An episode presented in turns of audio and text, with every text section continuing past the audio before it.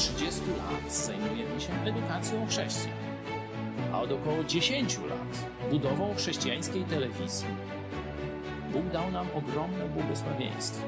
W lutym 2016 roku z garstką wierzących rozpoczęliśmy projekt codziennego nadawania na żywo komentarzy społeczno-politycznych, w których wiążemy to, co dzieje się w kraju i na świecie, z prawdami i proroctwami Biblii. Odzew zaskoczył i codziennie zaskakuje każdego z nas. Już w pierwszym roku nadawania naszej telewizji o Nowe Testamenty poprosiło ponad 2000 osób. Wielu nawróciło się do Jezusa i poprosiło o chrzest. Kilkadziesiąt chrztów miało także miejsce w Wielkiej Brytanii, Stanach Zjednoczonych i Kanadzie. Ludzie, którzy przyszli do nas, pochodzą w zdecydowanej większości z niewierzącego świata, a nie z istniejących już zborów. Zorganizowaliśmy ich w grupy biblijne i kościoły córki, które dzisiaj gromadzą każdego tygodnia setki osób w całej Polsce i za granicą. W najbliższych planach mamy założenie chrześcijańskiego liceum, szkoły biblijnej i na tej bazie chrześcijańskiego uniwersytetu. Bóg dał nam też niesamowite błogosławieństwo finansowe. Nie korzystamy z żadnej pomocy pieniężnej państwa ani kościołów z zachodu, a jednak każdego miesiąca ponad tysiąc naszych widzów wpłaca ponad 80 tysięcy złotych na funkcjonowanie telewizji Idź Pod Prąd. Chwała Bogu. Nie mówię tego, by się chwalić czy wywyższać, ale by pokazać wymierne dowody niezwykłego Bożego działania i błogosławieństwa. Również Ty możesz odegrać swoją rolę w tym dziejowym przedsięwzięciu. Tak nam dopomóż Bóg.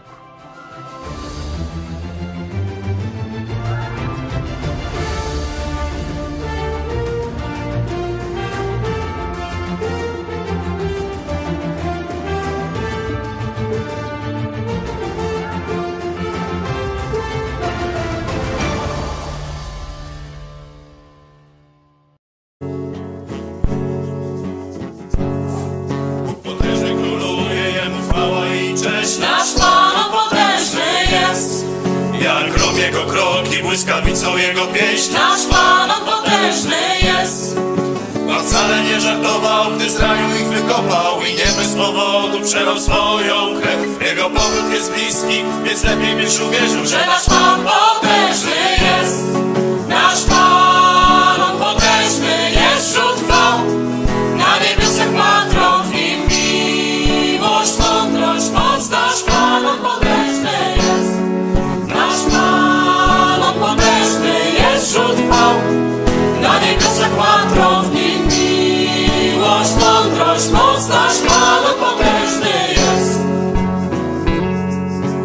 wszędzie była pustka, niebo czarne bez gwiazd. Nasz Pan on potężny jest. On przemówił w ciemności i stworzył ten świat. Nasz Pan on potężny jest. On osąd i karę wylał na Sodomę Zmiłowanie i łaskę na krzyżu nam dał Mam nadzieję, że zawsze będziemy to pamiętać Że nasz Pan potężny jest. Nasz Pan on potężny jest wśród chwał.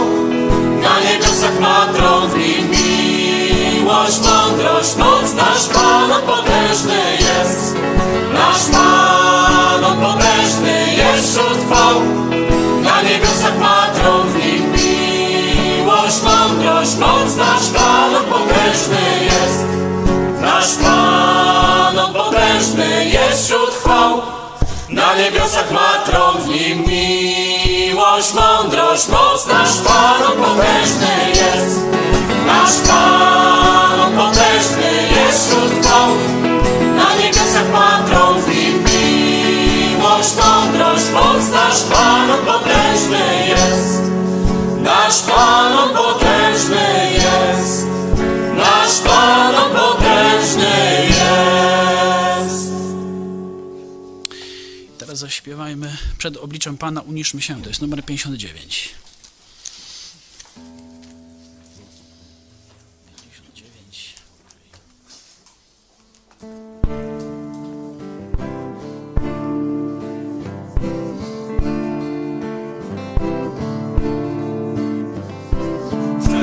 Pana uniszmy się Przed obliczem Pana uniszmy się. Przed obliczem Pana uniszmy się. Przed obliczem Pana uniszmy się. Pan sam wywyższy nas. Jego jest ziemia i czas, Pan sam wywyższy Wszystkie swoje troski oddajmy Wszystkie swoje troski oddajmy. Wszystkie swoje troski oddajmy Wszystkie Mu. swoje troski oddajmy Mu. Pan Pan sam sam wywyższy nas. Jego jest ziemia i czas, Pan sam wywyższy obliczem nas. Pana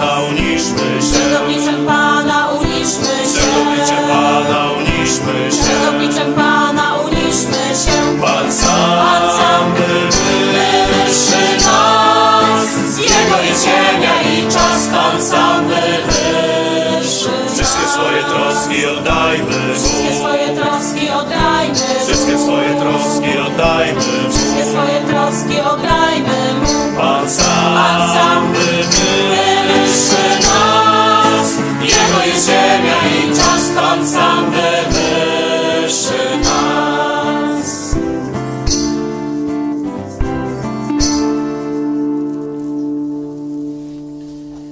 Teraz zaśpiewajmy jeszcze Boże, Ty jesteś mocą i zbawcą duszy mej. To jest numer 58.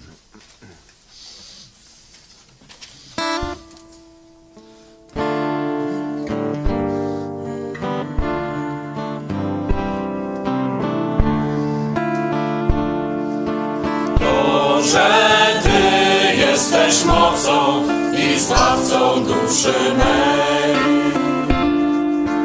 Boże, Ty jesteś mocą i zbawcą duszy mej. Prowadź mnie, Panie, ścieżką Twoich przykazań, szlakiem Twoich praw. Tyś mi, mój Panie, tarczą w walce z szatanem,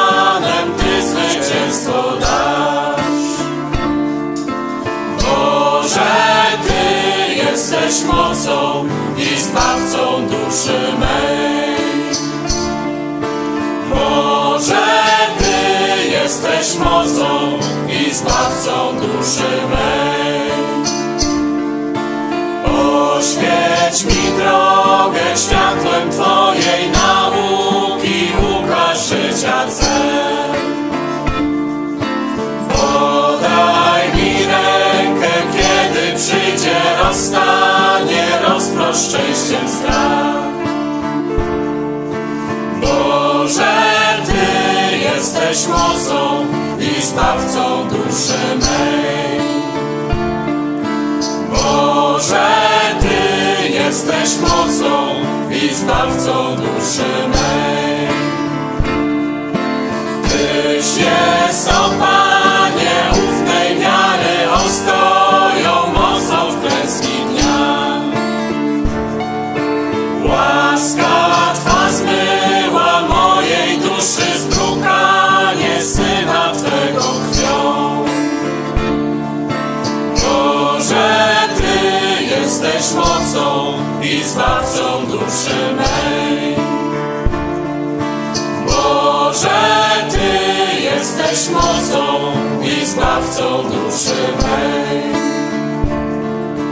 Boże, Ty jesteś mocą i zbawcą duszy.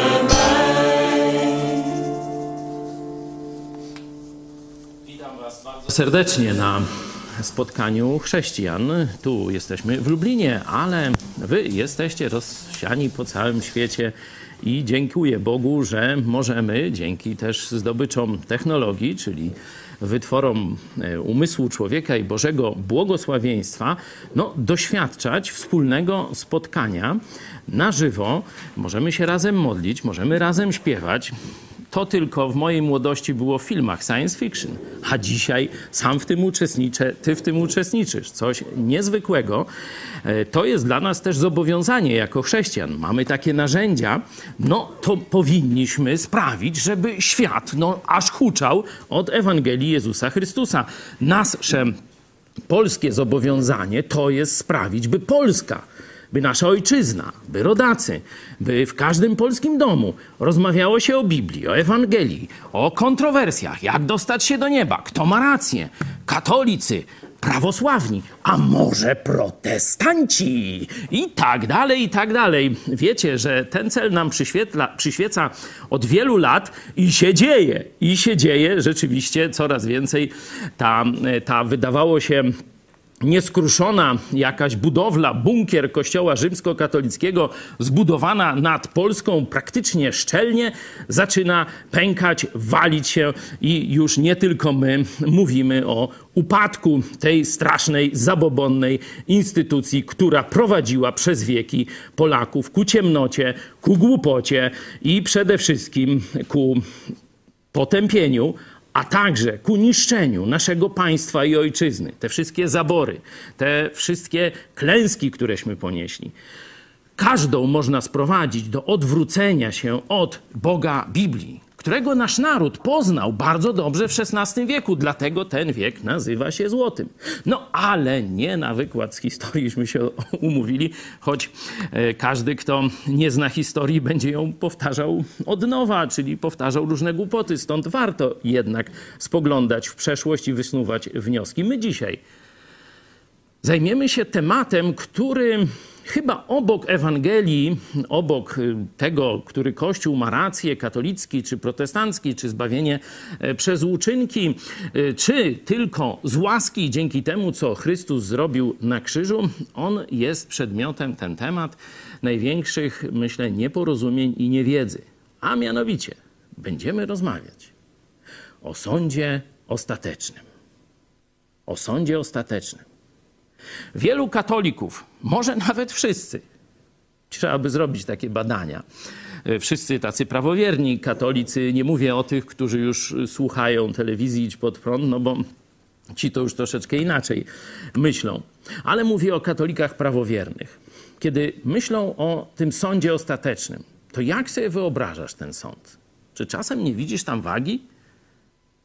I na jednej szali zostaną postawione Twoje złe czyny, a na drugiej dobre.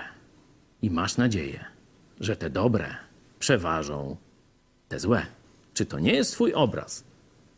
Czy Biblia nie daje nam podstawy do takiego myślenia o sądzie ostatecznym?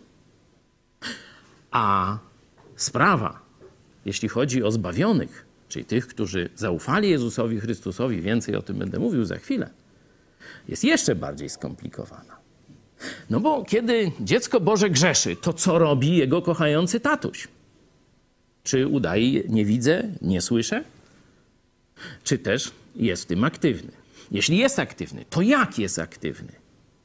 Jeśli ta aktywność nie jest zbyt przyjemna dla nas, tak jak to się też dzieje w ludzkich przypadkach, to czy my mamy jakiś wpływ, żeby ta aktywność nieprzyjemna dla nas, naszego kochającego tatusia, w jakiś sposób została zminimalizowana, albo w ogóle, żeby jej nie było?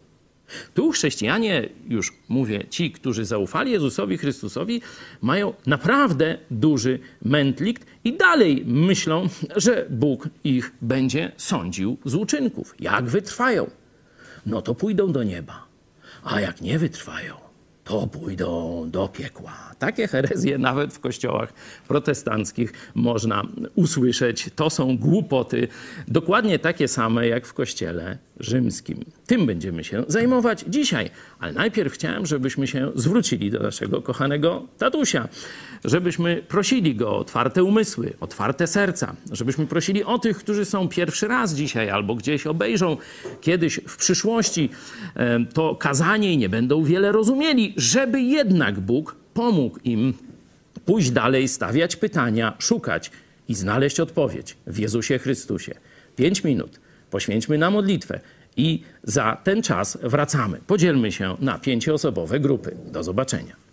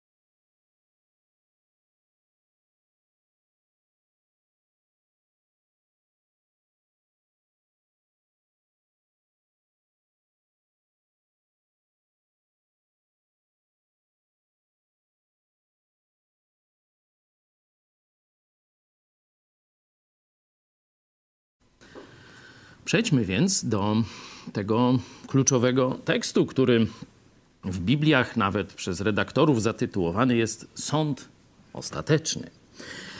Ten opis znajduje się w 20 rozdziale Księgi Apokalipsy. Ostatnia księga Biblii. Tak jak mówiłem, Biblia jest napisana, można powiedzieć, od takiego objawienia dla dzieci, kiedy pierwszy raz Bóg kontaktuje się z ludźmi i prowadzi ich aż do pełnego objawienia. No, księga właśnie e, Apokalipsy to inaczej objawienia, czyli widać, że można powiedzieć ilość wiedzy, ilo, ilość poznania Boga, idąc od początku do końca, rośnie i e, to e, księga Apokalipsy jest końcem objawienia. Już potem Bóg powiedział, że nie będzie żadnych objawień, żadnych objawień dla całej ludzkości. Stąd ci wszyscy, którzy was tam kłamią o jakichś objawieniach fatimskich, takich, śmakich i owakich, to są zwykli oszuści, którzy urągają temu, co Bóg powiedział. Wejdźmy więc do ostatniej księgi Biblii. Tuż przed zakończeniem znajduje się ta wizja sądu. Jeśli tam jest ten sąd ostateczny, no to chyba tam będziemy wiedzieć najwięcej na temat tego sądu. Oczywiście to wcześniej ta prawda się pojawia, czy te prawdy pojawiają się w całej Biblii, ale w pełnej, można powiedzieć, krasie możemy to zobaczyć w Księdze Objawienia w 20 rozdziale. A więc najpierw przeczytajmy z uwagą. I widziałem wielki biały tron i tego, który na nim siedzi, przed którego obliczem pierzchła ziemia i niebo i miejsca dla nich nie było. I widziałem umarłych, wielkich i małych, stojących przed tronem, i księgi zostały otwarte. Również inna księga, księga żywota, została otwarta, i osądzeni zostali umarli na podstawie tego, co zgodnie z ich uczynkami było napisane w księgach. I wydało morze umarłych, którzy w nim się znajdowali. Również śmierć i piekło wydały umarłych, którzy w nich się znajdowali, i byli osądzeni każdy według uczynków swoich. I śmierć i piekło zostały wrzucone do jeziora ognistego. Owo jezioro ogniste to druga śmierć. I jeżeli ktoś nie był zapisany w księdze żywota, został wrzucony do jeziora ognistego. No, nie jest dobrze, nie jest dobrze, ktoś powie, szczególnie jeśli pierwszy raz czytaliście ten fragment, no to macie tutaj trochę mętlik. No mówią, ktoś, kto e, przeczytał pierwszy raz, to pewnie zwrócił uwagę, że dwukrotnie jest powtórzona fraza. E, najpierw werset 12, zobaczcie, zostali umarli na podstawie tego, co zgodnie z ich uczynkami było zapisane w księgach. Zostali osądzeni. Nie? Czyli jaki to jest sąd? No z uczynków. No z uczynków, zobaczcie. Ci wszyscy umarli, którzy stanęli na tym sądzie, zostali osądzeni na podstawie tego, co zgodnie z ich uczynkami było napisane w księgach. Nie? Czyli te uczynki rzeczywiście nasze są e, spisane, Bóg znaczy się o nich wszystkich wie, no i tu na podstawie tych uczynków, no zobaczcie, żeby nie było wątpliwości, to jeszcze ta sama fraza w następnym, trzynastym wersecie jest e, pokazana. Y, ci wszyscy zmarli i byli osądzeni, każdy, zobaczcie, każdy, no każdy według uczynków swoich. Czyli ktoś powie, no zbawienie jest za uczynki. Hmm.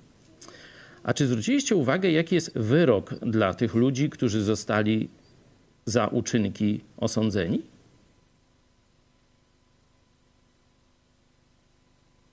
No, Zobaczcie. Piętnasty werset. Jeśli ktoś nie był zapisany w księdze żywota, został wrzucony do jeziora ognistego. Czy wszyscy ci, którzy stanęli na tym sądzie, i każdy z nich został osądzony ze swoich uczynków sprawiedliwie przez sprawiedliwego Boga, gdzie wylądował? W wiecznym piekle. Czyli za uczynki to nie jest zbawienie, tylko potępienie. No to tak, to tu się zgadzamy. W piekle wylądujesz za swoje grzechy. No tu właśnie to stoi. Czarno na białym. Każdy sobie może to przeczytać. No zwróćcie jeszcze raz uwagę, bo kluczowy do zrozumienia tego fragmentu jest werset dwunasty, a w rzeczywistości jego pierwsza część. Właśnie o tych księgach. I księgi zostały otwarte. Już wiemy, co to są za księgi, bo zobaczcie, kontynuacja wersetu 12. I osądzeni zostali umarli na podstawie tego, co zgodnie z ich uczynkami było zapisane w księgach. Czyli w jednym wersecie są te księgi, a potem jest ich zawartość, czyli nasze czyny. Czyny tych ludzi, którzy dokładnie nie nasze czyny, tylko y, czyny tych ludzi, którzy stanęli na tym sądzie. Nie? Czyli wiemy, co to jest, czy co to są, bo tu w liczbie mnogiej wiele jest tych ksiąg, no to wiecie, czyny każdego człowieka, no to dość spory zapis. Nie wiem ile tam terabajtów, czy nie wiadomo czego, ale dużo w cholerę, nie? I każdy, kto został osądzony na podstawie tego, co uczynił w swoim życiu, a co zapisane jest w księgach, o czym Bóg wie, został wrzucony do tego jeziora ognia i tak dalej, i tak dalej. No ale zobaczcie, w tym wersecie nie jest mowa tylko o księgach uczynków. W wersecie 12 jest też mowa o czymś niezwykłym. Widzicie tam coś? Jest księga życia. Inaczej można powiedzieć, księgi uczynków to księgi śmierci, wiecznej śmierci. Ale jest też księga życia. I ta księga życia, ona się pojawia, nic o niej nie ma, tam jest o tych uczynków. Du, du, du. Dopiero w 15 ostatnim wersecie znowu na wokandę wchodzi księga życia. Zobaczcie w jakiej roli. Jeśli ktoś nie był zapisany w księdze życia, został wrzucony do jeziora ognia. Czyli na tym sądzie stają ci, którzy, których nie ma w księdze życia. Co to za księga? Niekiedy się mówi księga życia baranka. Baranek. Cóż to jest baranek? Czy chodzi o taką cukrową figurkę z, krzyżyk, z taką ym, flagą i krzyżykiem, czy coś takiego? Na Wielkanoc co się stawia? Nie. Chodzi o ofiarę Jezusa Chrystusa. Pamiętacie starą historię z Egiptu, kiedy szedł anioł śmierci? I wtedy Bóg powiedział Mojżeszowi: każdy, kto zabije niewinnego baranka, weźmie jego krew i swój dom pomaluje jego krwią, przeżyje tę zagładę. Kiedy będzie szedł anioł śmierci, wszystkie domy, na których nie ma znaku krwi baranka, zostaną unicestwione. Każdy pierworodny zostanie tam zabity i będzie wielki krzyk, wielki lament. A każdy dom, osłoniony krwią baranka, przejdzie nietknięty przez ten sąd Boży. To znaczy Księga Życia Baranka. Dwa tysiące lat temu na krzyżu Golgoty już nie baranek jako zwierzę z trzody wzięte jako symbol tej doskonałej ofiary Jezusa Chrystusa, ale sam Bóg, który przyjął ciało człowieka i nam się pokazał jako człowiek mając dwie natury: pełną boską naturę i pełną ludzką naturę. Poszedł zamiast mnie i ciebie na krzyż Golgoty, by zakosztować śmierci za każdego z nas. Dzisiaj akurat, e, nie, przepraszam, wczoraj chyba, rocznica śmierci księdza Maksymiliana Kolbe. To jest też tak jak historia o baranku sprzed paru tysięcy lat która ma nam zobrazować to, co Chrystus zrobił na krzyżu Golgoty 2000 lat temu, to można powiedzieć, że to, co w Oświęcimiu, w Auschwitz dokładnie, bo to niemiecki obóz koncentracyjny, wybrali Polskę, żeby ukryć swoje morderstwa i zbrodnie, w Auschwitz. Ten ksiądz stał na apelu, gdzie wybierano do bunkra głodowego, do komory śmierci, można tak powiedzieć. Wybierano co któregoś więźnia i odliczano. I los padł na pana Gajowniczka. Chyba czwórkę dzieci w tym czasie miał, chyba leśniczy, który też znalazł się jako Polak, przedstawiciel administracji z II Rzeczpospolitej, znalazł się w Auschwitz w ramach programu właśnie wyniszczenia całej polskiej inteligencji, wszystkich ludzi, którzy mogliby w jakiś sposób stanąć na czele narodu i prowadzić go do niezgody na okupację. Dokładnie teraz takie same procesy odmurzenia Polaków, co prawda nie tymi metodami, ale dokładnie ten sam cel, żeby Polacy byli takim bezwolnym bydłem roboczym. To jest, to jest cel wszystkich wrogów Polski, tak jak tam w latach 40., tak samo i, i teraz tu się niewiele zmieniło. Zmieniły się tylko metody. Wracając do tej historii, kiedy los padł na tego człowieka, on zapłakał i prosił o litość, prosił o zmiłowanie. Mam żonę i czwórkę małych dzieci. Co się z nimi stanie, kiedy ja umrę? I wtedy ksiądz Kolbe podszedł i do Niemca, znaczy no nie podszedł, bo tam chyba nie można było wychodzić, ale zwrócił się po niemiecku do kata niemieckiego i powiedział: Weźcie mnie zamiast niego. Jakoś tak się stało, że ten kat się zgodził. I rzeczywiście pan Gajowniczek nie poszedł na śmierć, nie poszedł do tego bunkra głodowego i przeżył wojnę. A ksiądz Kolbe konał przez wiele dni w bunkrze głodowym i zmarł.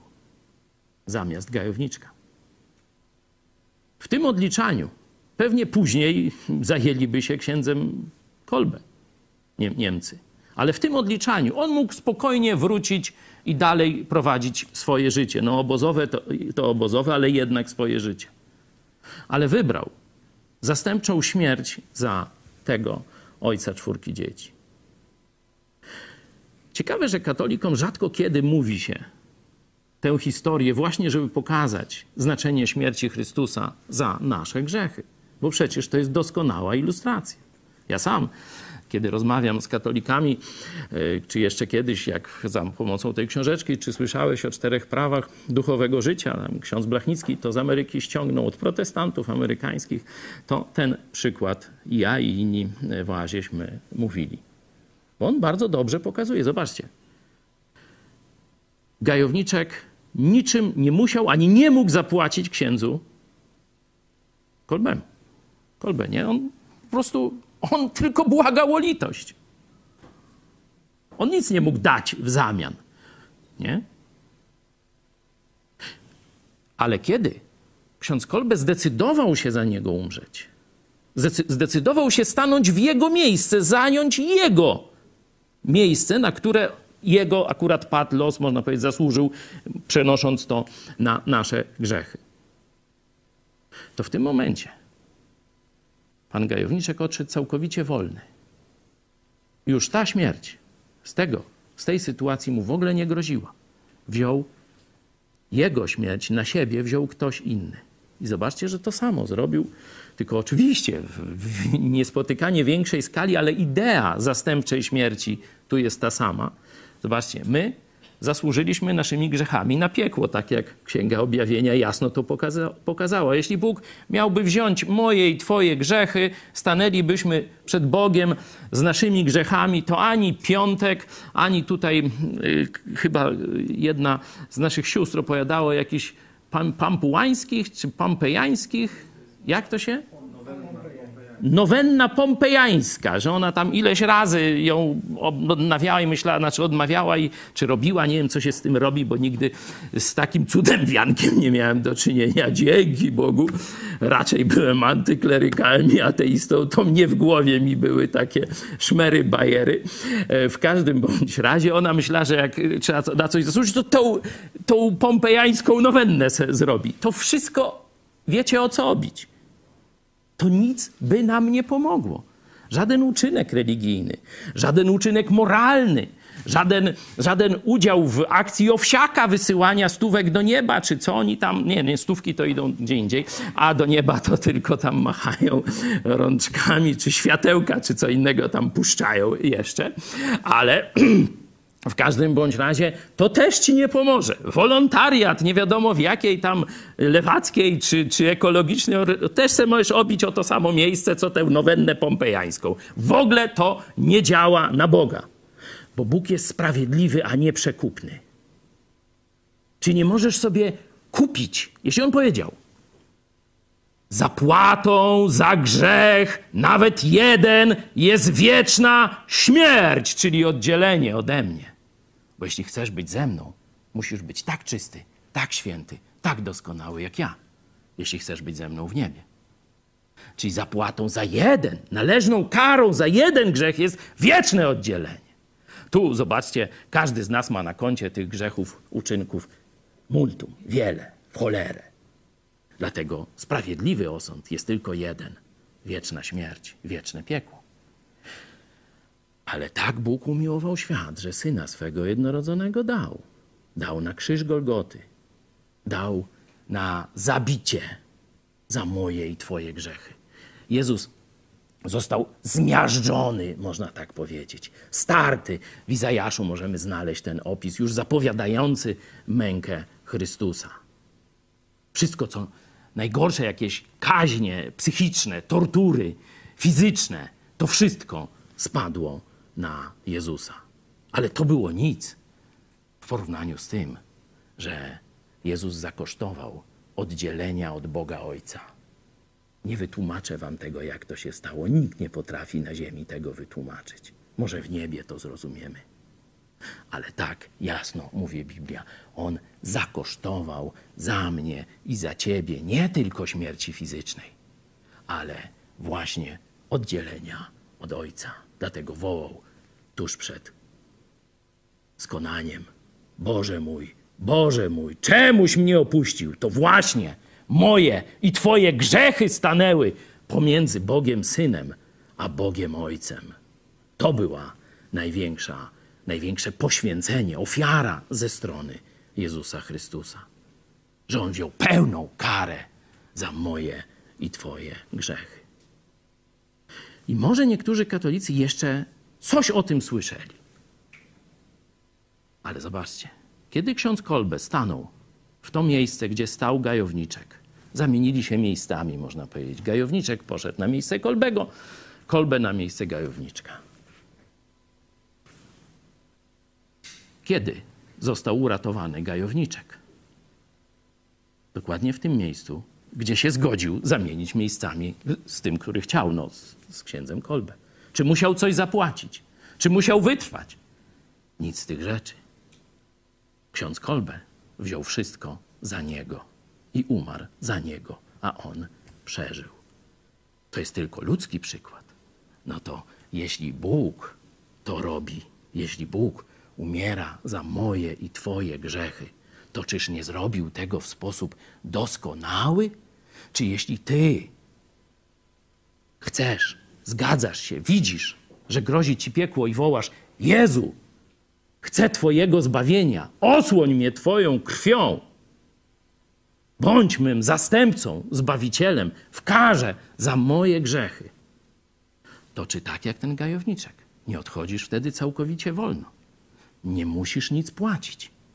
Jesteś uratowany, bo ktoś się za ciebie poświęcił, bo ktoś zapłacił całkowicie, doskonale Twoją karę należną Tobie, należną mi. To jest właśnie chrześcijańska Ewangelia o darmowym zbawieniu, bo Jezus zapłacił za moje zbawienie. A nie, że Jezus trochę zapłacił, trochę ksiądz proboszcz swoimi sakramentami, a kryż, a trochę jeszcze ja swoich uczyneczków dołożę. I tak się sumuje ta triada. No coś tam Chrystus zrobił, najważniejsze co ksiądzy zrobił, no i troszkę ja. Nie będę już rymował, bo brzydko. Nic to nie warte jest. Ni, ni, nic. To jest największe kłamstwo historii. To Rzym za to kłamstwo odpowiada.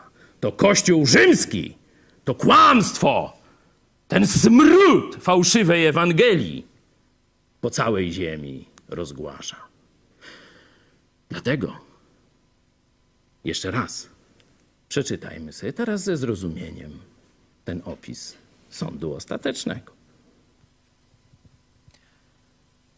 I widziałem wielki biały tron i tego, który na nim siedzi, przed którego obliczem pierzchła ziemia i niebo i miejsca dla nich nie było. I widziałem umarłych, wielkich i małych, stojących przed tronem i księgi zostały otwarte. Również inna księga, księga żywota została otwarta. I osądzeni zostali umarli na podstawie tego, co zgodnie z ich uczynkami było napisane w księgach.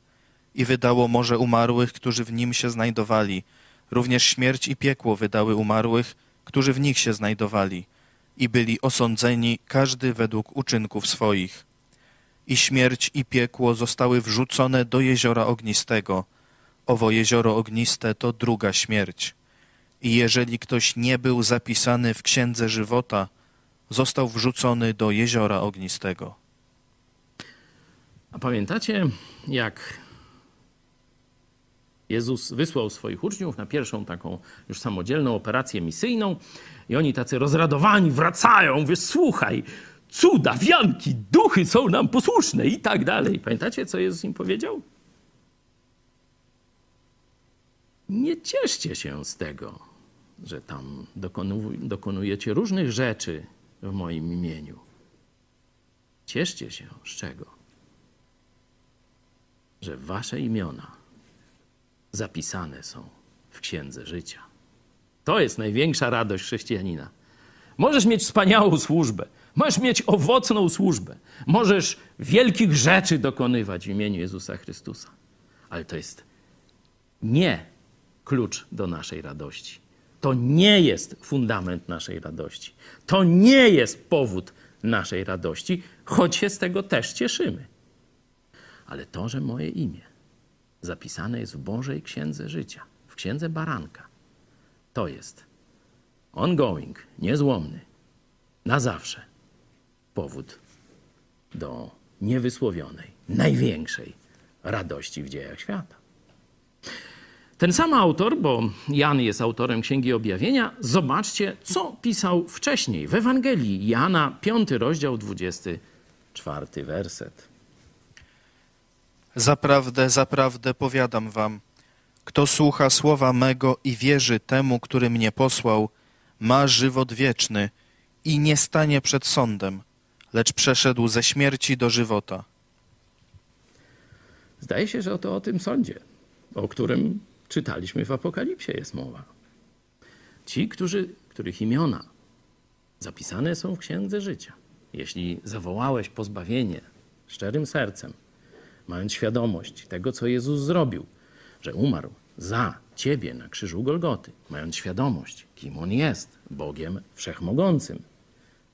Jeśli do Niego zawołałeś, Jezus baw mnie, Jezu ratuj, to Twoje imię na zawsze zostało wyryte w Księdze Życia. I o tym pisze Jan. Tak jak powiedziałem, e, objawienie, to co Bóg nam podaje w Biblii, jest coraz większe, czyli tu mieliśmy Ewangelię Jana, jeszcze raz przeczytajmy ten 24 werset.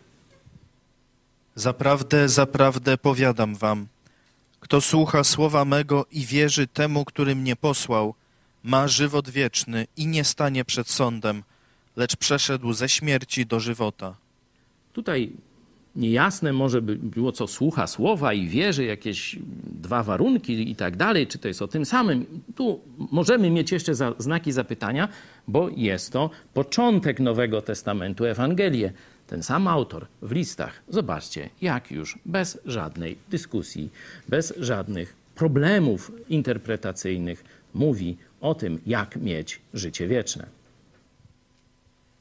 A takie jest to świadectwo, że żywot wieczny dał nam Bóg, a żywot ten jest w Synu Jego. Kto ma Syna, ma żywot. Kto nie ma Syna Bożego, nie ma żywota. To napisałem wam, którzy wierzycie w imię Syna Bożego, abyście wiedzieli, że macie żywot wieczny.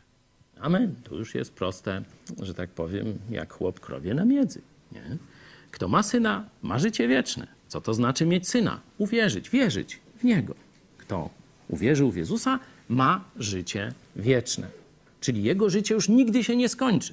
Dlatego mówię uwierzył, bo niektórzy mówią, a nie, nie, to trzeba cały czas wierzyć. Czyli dzisiaj Janek wierzy. Według tego tekstu. Dzisiaj Janek wierzy. Co Janek ma dzisiaj? Życie wieczne. Co jest cechą życia wiecznego? Że nigdy się nie kończy. Za tydzień Jarek, że, przepraszam, Janek, żeby już była ta sama osoba, no bo się tam pomyrda nam. Janek mówi, że nie wierzy w Jezusa. O tak jak senator Bury na przykład, nie? On kiedyś wierzył, chrzcił, był członkiem kościoła. Tam telewizja polska mówi, że to sekta, no ale dobrze, to już tam niech, niech to tamtej telewizji będzie na zdrowie. E, albo może na ozdrowienie, lepiej, tak? E, a teraz mówi, że on w Jezusa nie wierzy. No, zakładając, że senator Bury szczerze uwierzył w Jezusa, te 25 czy tam trochę więcej, to on tam dokładnie może wam kiedyś powiedzieć. Zapytajcie go na czacie, kiedy uwierzył w Jezusa, bo ja już nie pamiętam, ale gdzieś tak szacuję, że 25-7 lat temu, nie? to co miał senator Bury, jeśli szczerze zawołał do Jezusa Chrystusa? Bóg to wie. Senator Bury też wie, nie? No bo to i Bóg i człowiek zna, y, co się wtedy wydarzyło, wie, co się wtedy wydarzyło. No postronni mogą sądzić po owocach, nie? Ale zakładając, że szczerze senator Bury zawołał do Jezusa, no to co rozpoczęło się w życiu senatora Burego? Ja nie mówię o różnych tam skandalach obyczajowych i te sprawy później, ale rozpoczęło się życie wieczne. Zgadza się? Nie? No i teraz po iluś tam latach y, senator Bury mówi, że on tam nie wierzy w Jezusa, jest najpierw agnostykiem czy ateistą, później znowu agnostykiem, później znowu ateistą, nie? Ale co z życiem wiecznym? No jeśli 25 lat temu, w przypadku naszego przysłowiowego Janka, powiedzmy tydzień temu, Janek miał życie wieczne, a po tygodniu przestał wierzyć w Jezusa i co, on już nie ma życia wiecznego? Senator Bury, jeśli wcześniej szczerze zawołał do Jezusa, stał się dzieckiem Bożym, teraz nie ma życia wiecznego? Chcecie mi powiedzieć? No to jakie życie miał senator Bury 25 lat temu? Półwieczne? Ćwierćwieczne? Ty tygodniowo wieczne? No trzeba się poważnie tego. Nie? Jeszcze raz, Czarek, przeczytaj ten fragment. A takie jest to świadectwo, że żywot wieczny dał nam Bóg, a żywot ten jest w Synu Jego. Kto ma Syna, ma żywot. Kto nie ma Syna Bożego, nie ma żywota. To napisałem wam, którzy wierzycie w imię Syna Bożego, abyście wiedzieli, że macie żywot wieczny. Abyście wiedzieli. Zobaczcie, jeśli ktoś już uwierzył w Jezusa, to wie, w tym momencie może wiedzieć, to przynajmniej jest chęć apostoła Jana, to po to on napisał to zdanie, abyś wiedział, że masz nigdy niekończące się życie wieczne. Nie staniesz na sądzie tym ostatecznym, gdzie będą wyroki śmierci tylko. Wiecznej śmierci, o której czytaliśmy w objawieniu. To tyle. A mam już niewiele czasu, bo obiecałem, że będę się w wakacje streszczał. To tyle, jeśli chodzi o to część pierwszą, czyli jak uniknąć sądu, gdzie Bóg będzie sprawiedliwie sądził niewierzący świat za grzechy. Trzeba zawołać jak najszybciej. Zrób to dziś, nie odkładaj. Po co masz czekać z rozpoczęciem życia wiecznego na za tydzień? Cóż to się takiego fantastycznego przez tydzień ma wydarzyć? Flaszkę wypijesz, tam coś już nie będę ci tego. No życie wieczne to jest najwspanialsza rzecz, to jest największy powód do radości. Już dziś możesz być zapisany w księdze żywota baranka, w księdze żywota Jezusa Chrystusa, który już za ciebie umarł. I chce dać ci to, co dla ciebie kupił swoją krwią na krzyżu Golgoty. Wieczne zbawienie w prezencie z miłości Boga do ciebie chcesz, odrzuć. Ale jednak bardzo, bardzo Cię wzywam, żebyś tę Bożą ofertę wreszcie potraktował dziś poważnie. Tydzień temu wspominaliśmy Jezusa, Jego śmierć i zmartwychwstanie, Jego powrót właśnie w znaku chleba i wina. I zobaczmy, tam już jest do chrześcijan, 11 rozdział listu do Koryntian, do chrześcijan pokazany inny aspekt działania Boga, jeśli chodzi o grzech. O grzech teraz już jego dzieci, czyli ludzi zbawionych, ludzi mających życie wieczne. Przeczytajmy ten fragment. Przeto ktokolwiek by jadł chleb i pił z kielicha pańskiego niegodnie, winien będzie ciała i krwi pańskiej. Niechże więc człowiek samego siebie doświadcza i tak niech je z chleba tego i z kielicha tego pije. Albowiem kto je i pije niegodnie, nie rozróżniając ciała pańskiego, sąd własny je i pije. Dlatego jest między wami wielu chorych i słabych, a nie mało zasnęło, bo gdybyśmy sami siebie osądzali, nie podlegalibyśmy sądowi.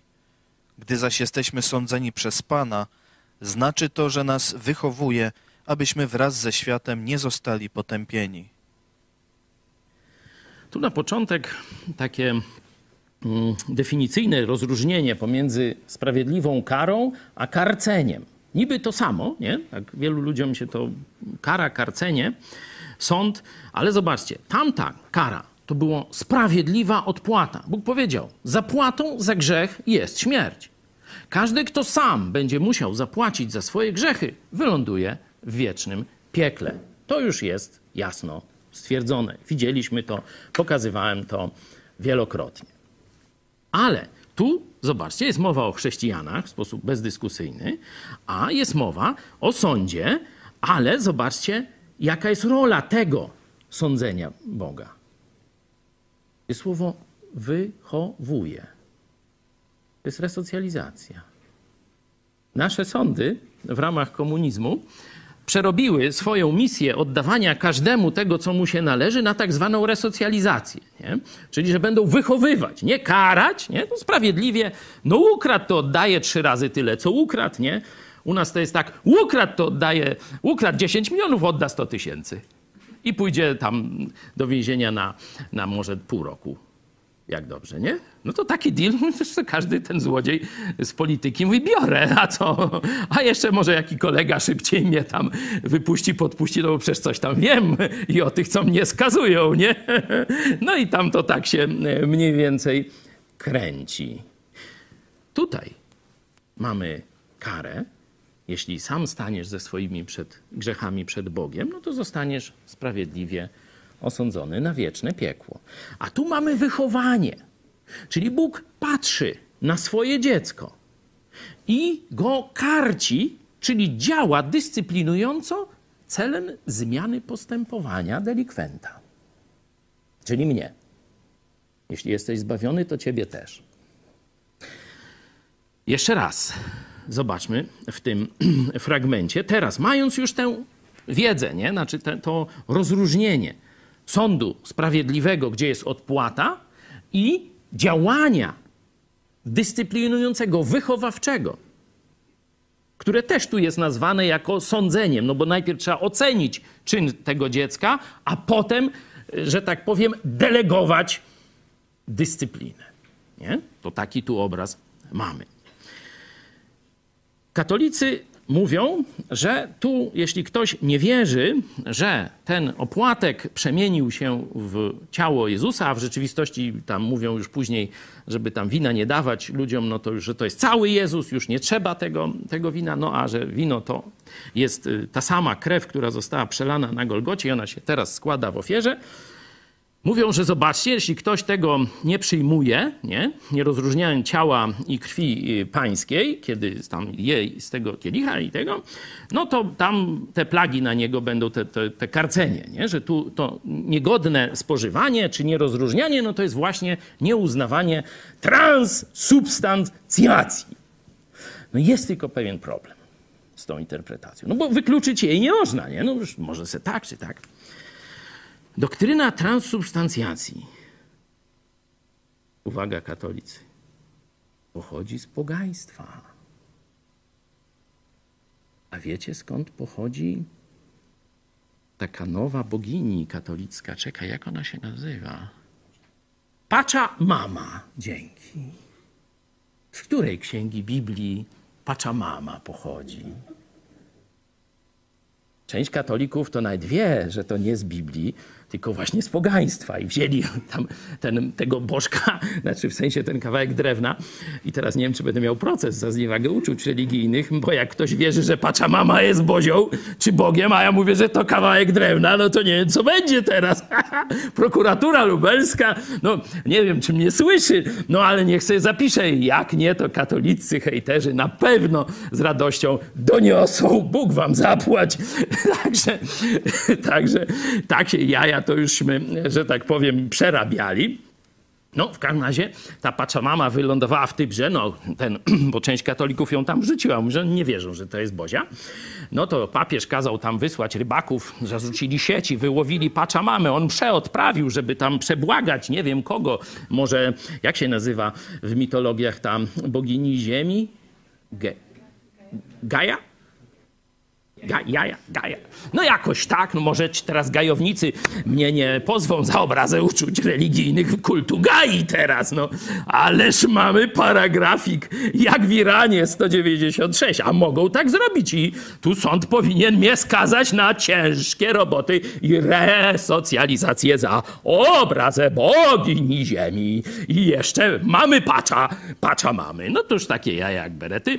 To w polskim sądzie wszystko się działo, możecie sobie zobaczyć, dokumenty z mojego procesu są tutaj jasnie na naszej stronie, wszystko tam fajnie. No ja mógł gadać, ja mam trzy minuty. No dobrze, no to kończę szybko. No, zobaczcie sobie wykład profesora Jotkowskiego, gdzie właśnie mówi o tych pogańskich korzeniach doktryny o transubstancjacji. I jeszcze do tego, że ona wzięta została w pogaństwie, to wiecie kiedy?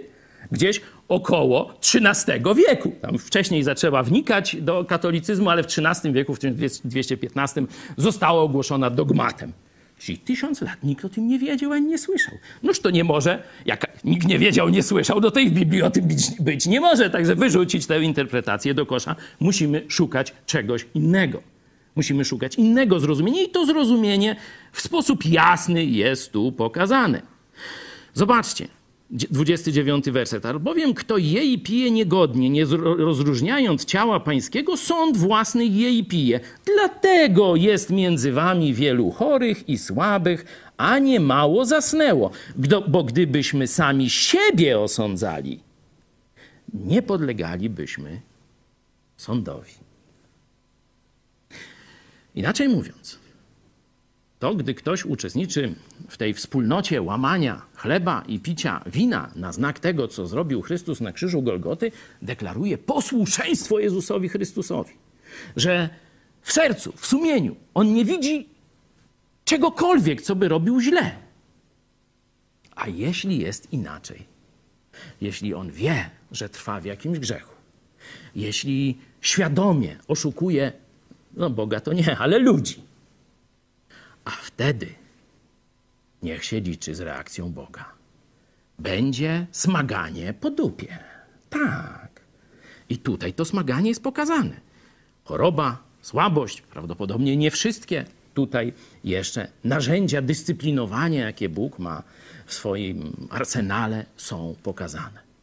Ale obiecałem pokazać, jak można, że tak powiem, spod tej karcącej rózgi się wywinąć. Werset 31. Tu jest sposób. Sam masz przeglądać swoje życie, sam masz badać wolę Bożą objawioną w Biblii i patrzeć, czy w Twoim życiu jest to, czego Jezus chce, a nie ma tego, czego Jezus nie chce. Jeśli w ten sposób będziesz patrzył na swoje serce, na swoje czyny, na swoje słowa, wtedy Bóg nie będzie cię sądził, bo ty sam poprawiasz się. Czyli widzisz grzech. Podziękuj Bogu, że Jezus już za niego umarł. I zmień w tym aspekcie swoje życie. Idź dalej, służ mu. Nie będziesz podlegał żadnemu karceniu. Więcej na ten temat przeczytajcie sobie w dwunastym rozdziale listu do Hebrajczyków od 11 wersetu. Ja muszę kończyć. Do zobaczenia. Ale zaprosimy jeszcze na koniec grupę muzyczną. Niech dane nam będzie razem wyrazić Bogu wdzięczność i chwałę za Jego zbawienie, za Jego mądrość, za Jego sprawiedliwość i wielką, wielką miłość, dzięki której mamy życie wieczne w Chrystusie Jezusie, który za nas umarł zmartwychwstał i żyje w naszych sercach. To zacznijmy od y, piosenki Święty jest nasz Pan, o Święty Pan Zastępów, to jest numer 23.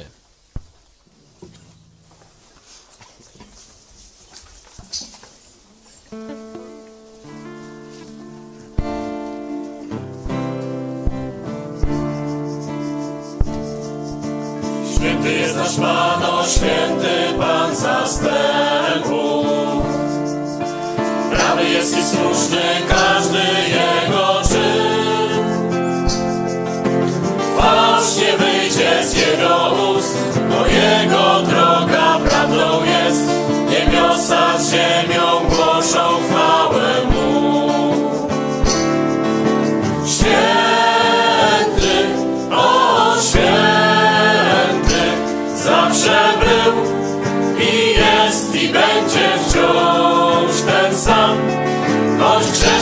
cały świat, on czysty wciąż niewinny jest.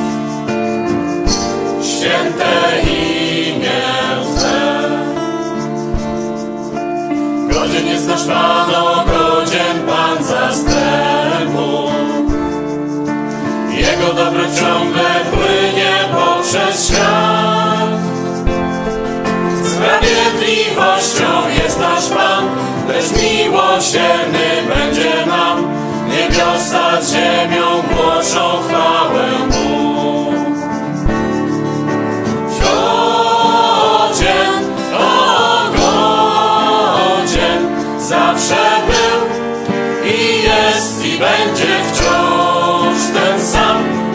Choć grzeszny cały świat, oczysty wciąż niewinny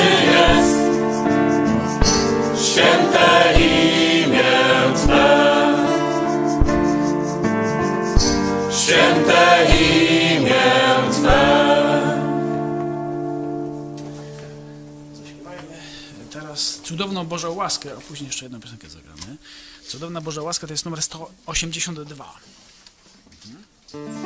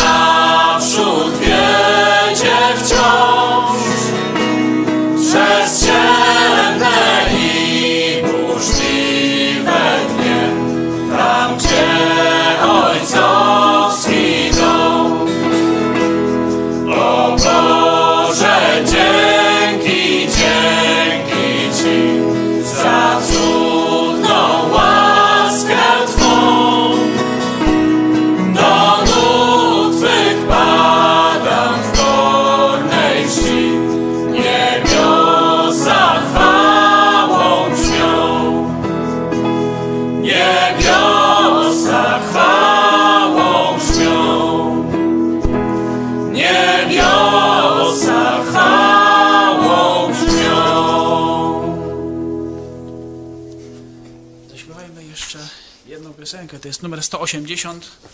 Obłok i ciemność wokół niego.